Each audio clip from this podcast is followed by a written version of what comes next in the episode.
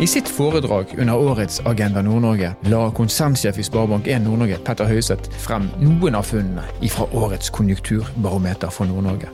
Og Konjunkturbarometeret for Nord-Norge det er altså en rapport som gjør opp status for Nord-Norge, og som ser litt inn i fremtiden, ser på mulighetene og utfordringene som ligger der. I denne episoden av eh, Nord-Norge i verden skal vi høre hva konsernsjefen sa da rapporten var lagt frem. Og du kan selvfølgelig lese eller laste ned rapporten helt gratis fra Kunnskapsbanken, altså kbnn.no. Mitt navn er Stein Vidar Loftaas, og nå skal vi høre konsernsjef Petter Høiseth.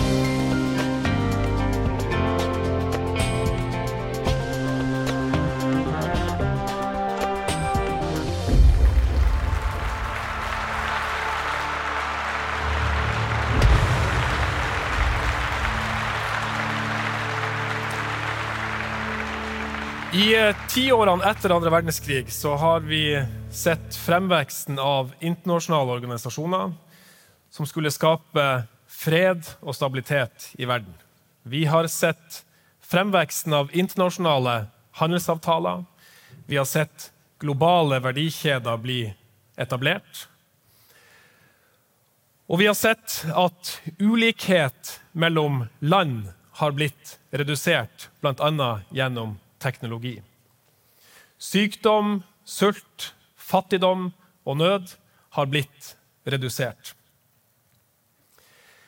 Men vi har også sett at globaliseringa har økt ulikhetene innad i landene. Vi har sett eh, middelklassereiser som har vært forskjellige. En fremvekst i Kina men også en reduksjon i levekårene i Europa og USA. Summen av dette har medført eh, endringer i det politiske regimet. I USA har vi sett eh, en president som fremstår ustabil og irrasjonell på Twitter, men rasjonell i forhold til de valgene han har gjort i forhold til det han gikk på valg til. Reduserte skatter, handelsmurer, har brakt den økonomiske eh, situasjonen i USA fremover, men det er i det korte bildet. I Europa så ser vi at en av verdens største økonomier ønsker å forlate unionen. Vi vet ikke når, og vi vet ikke konsekvensene av brexit. Usikkerhet setter tonen i det internasjonale bildet. Og usikkerhet preger også prognosene for verdensøkonomien. Det internasjonale pengefondet har siden oktober i fjor redusert anslagene for veksten i 2019 fire ganger. Per i dag forventes det en vekst i 2019 på knappe 3% I de store utviklingsøkonomiene drevet av Kina og kanskje India så har vi de siste årene vært vant til å se vekstanslag på rundt 6-7% Nå er vi nede på firetallet. Og I Europa så sliter vi fremdeles med veksten. I 2019 vil vi havne under 1,5 Dette er viktig for Nord-Norge. For Kikker vi på de største handelspartnerne for Norge og Nord-Norge, så dominerer Europa definitivt. Hva gjør vi når Europa strever? For de dere som leser The Economist, så kan dere i siste utgave se Frankrikes president som sier Europa må våkne. Og Det er to ting som eh, preger norsk og nordnorsk økonomi. Det ene er kronekursen. Vi har vært vant til i Norge at krona har vært sterk fordi vi har vært en oljedrevet nasjon. Og I mange år så fulgte kronekursen også oljeprisen. Men etter oljeprisfallet i 2014 så er denne korrelasjonen svekka. Og Det er ulike forklaringer på hvorfor kronekursen holder seg lav, selv om oljeprisen har styrka seg.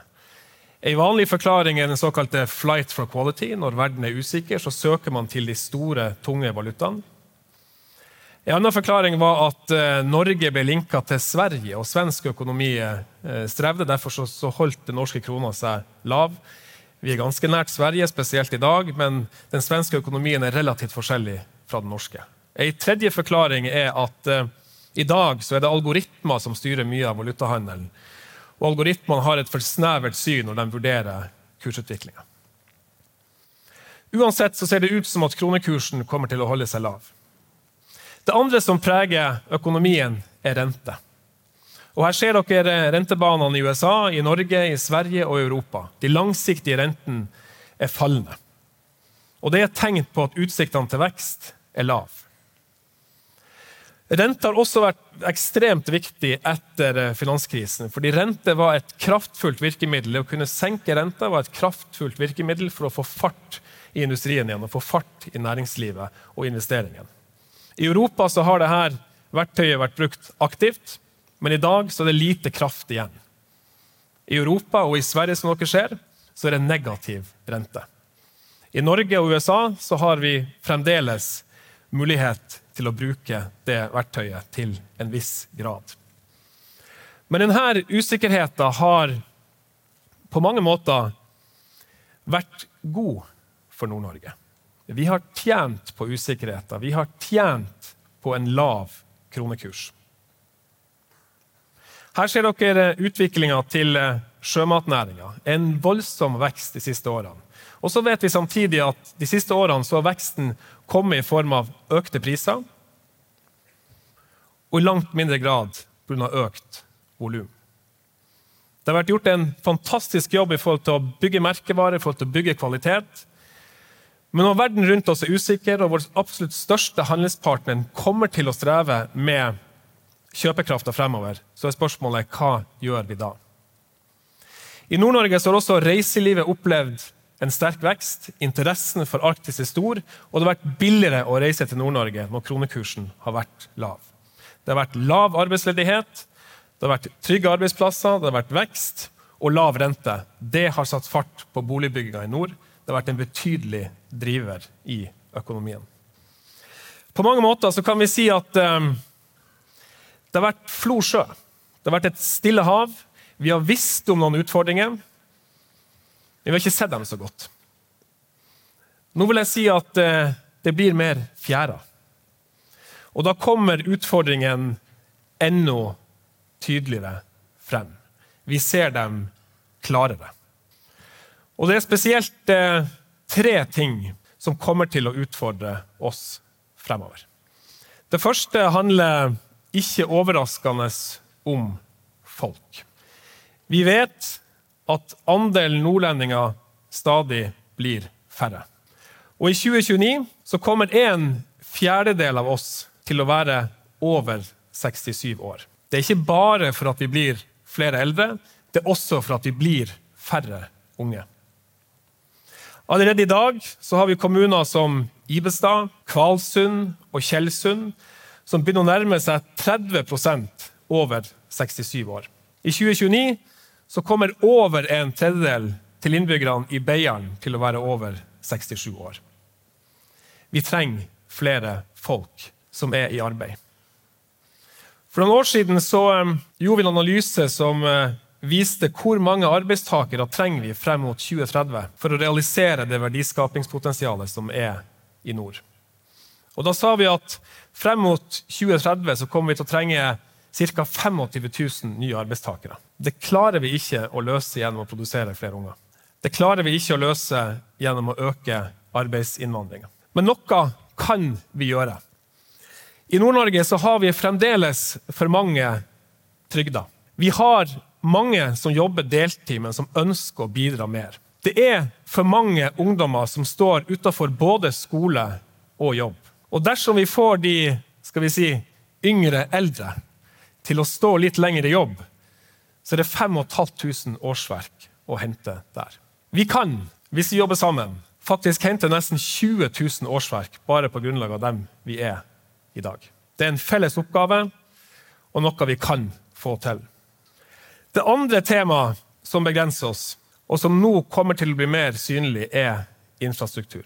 Når rammebetingelsene rundt oss endrer seg, når nye muligheter oppstår, så kommer en effektiv og sikker og god infrastruktur i Nord-Norge til å bli viktig. Det kommer til å handle om nordnorske havner, det kommer til å handle om nordnorske veier, og ja, det kommer til å handle om nordnorsk bane.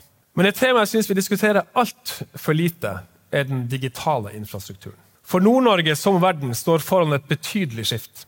Det digitale preger oss og vil komme til å prege oss. Teknologien blir stadig mer tilgjengelig. Det er ikke lenger bøygen. Og ja, det vil være utfordrende å bygge kompetanse. Men selv om vi gjør det, så hjelper det ikke hvis ikke den digitale infrastrukturen er på plass. Og per i dag så er den ikke det. Det tredje elementet er investeringer. Og frem mot 2026 så har vi telt planlagte investeringer for totalt 779 milliarder kroner. Det er et stort tall. Men spørsmålet er allikevel er det nok. Og det neste spørsmålet er hvordan allokerer vi disse investeringene? Investeringene for offshore og bolig alene utgjør 65% av de investeringene som er planlagt i nord. Et spørsmål er om boliginvesteringer på nærmere 200 milliarder, om det er grunnlag for det i Nord-Norge når vi ser utviklinga i landsdelen. Et annet spørsmål hvor er investeringene i kunnskap, i forskning og utvikling, i innovasjon? Er investeringen i infrastruktur som er planlagt, tilstrekkelig? Og har vi kunnskap om hvilke investeringer som vil være bærekraftige i verdiskapinga i nord? Nord-Norge er stort. Nord-Norge er sammensatt. Men eh, de mulighetene og utfordringene som ressursgrunnlaget og plasseringa vår gir oss, det forener oss. For Nord-Norge er også lite. Vi er omgitt av giganter som tenker langsiktig og investerer langsiktig for å posisjonere seg i det geopolitiske spillet som pågår om ressursene i nord. Og La meg ta ett eksempel på det. Når klimaendringer nå eh, åpner og gir muligheter til en eh, fraktpassasje i nordøst, det nordlige sjørute, fra Europa til Asia, så har Russland og Kina allerede igangsatt langsiktige og massive investeringer for å ta en posisjon i forhold til de mulighetene som det gir. Hvor er den diskusjonen i Norge? Hvor ofte ser vi den problemstillinga når det diskuteres utvikling av nordnorsk infrastruktur? Står det øverst på agendaen, eller drukner det i den nasjonale diskusjonen? Et spørsmål om utvikling av verdier i Nord-Norge er ikke et spørsmål for Nord-Norge. Det er et spørsmål om nasjonal verdiskapning. Det er også et spørsmål om global verdiskapning. Og Nord-Norge må ta en posisjon i forhold til utviklinga av verdiene i nord. Den posisjonen må bygges på dyp kunnskap og, tror jeg, frembrakt av nordnorske kunnskapsmiljøer. Og den kunnskapen må deles. Den må spres gjennom tydelige budskap.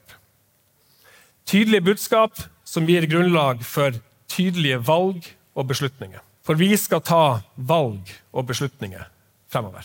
Og vi må synliggjøre muligheter og gi muligheter til de generasjonene som skal bygge verdier i Nord-Norge de neste tiårene. 100 av dere sitter i salen i dag. Dette er jobben, og det er vår jobb. Og det er ingen andre som kan ta den. Verden eh, preges av usikkerhet. Vi vet ikke hva som treffer oss, og når. Men det her vet jeg. Aldri har behovet for felles svar på felles problemstillinger vært større. Og de absolutt største verdiene vi kommer til å skape fremover, dem skaper vi i lag. Takk.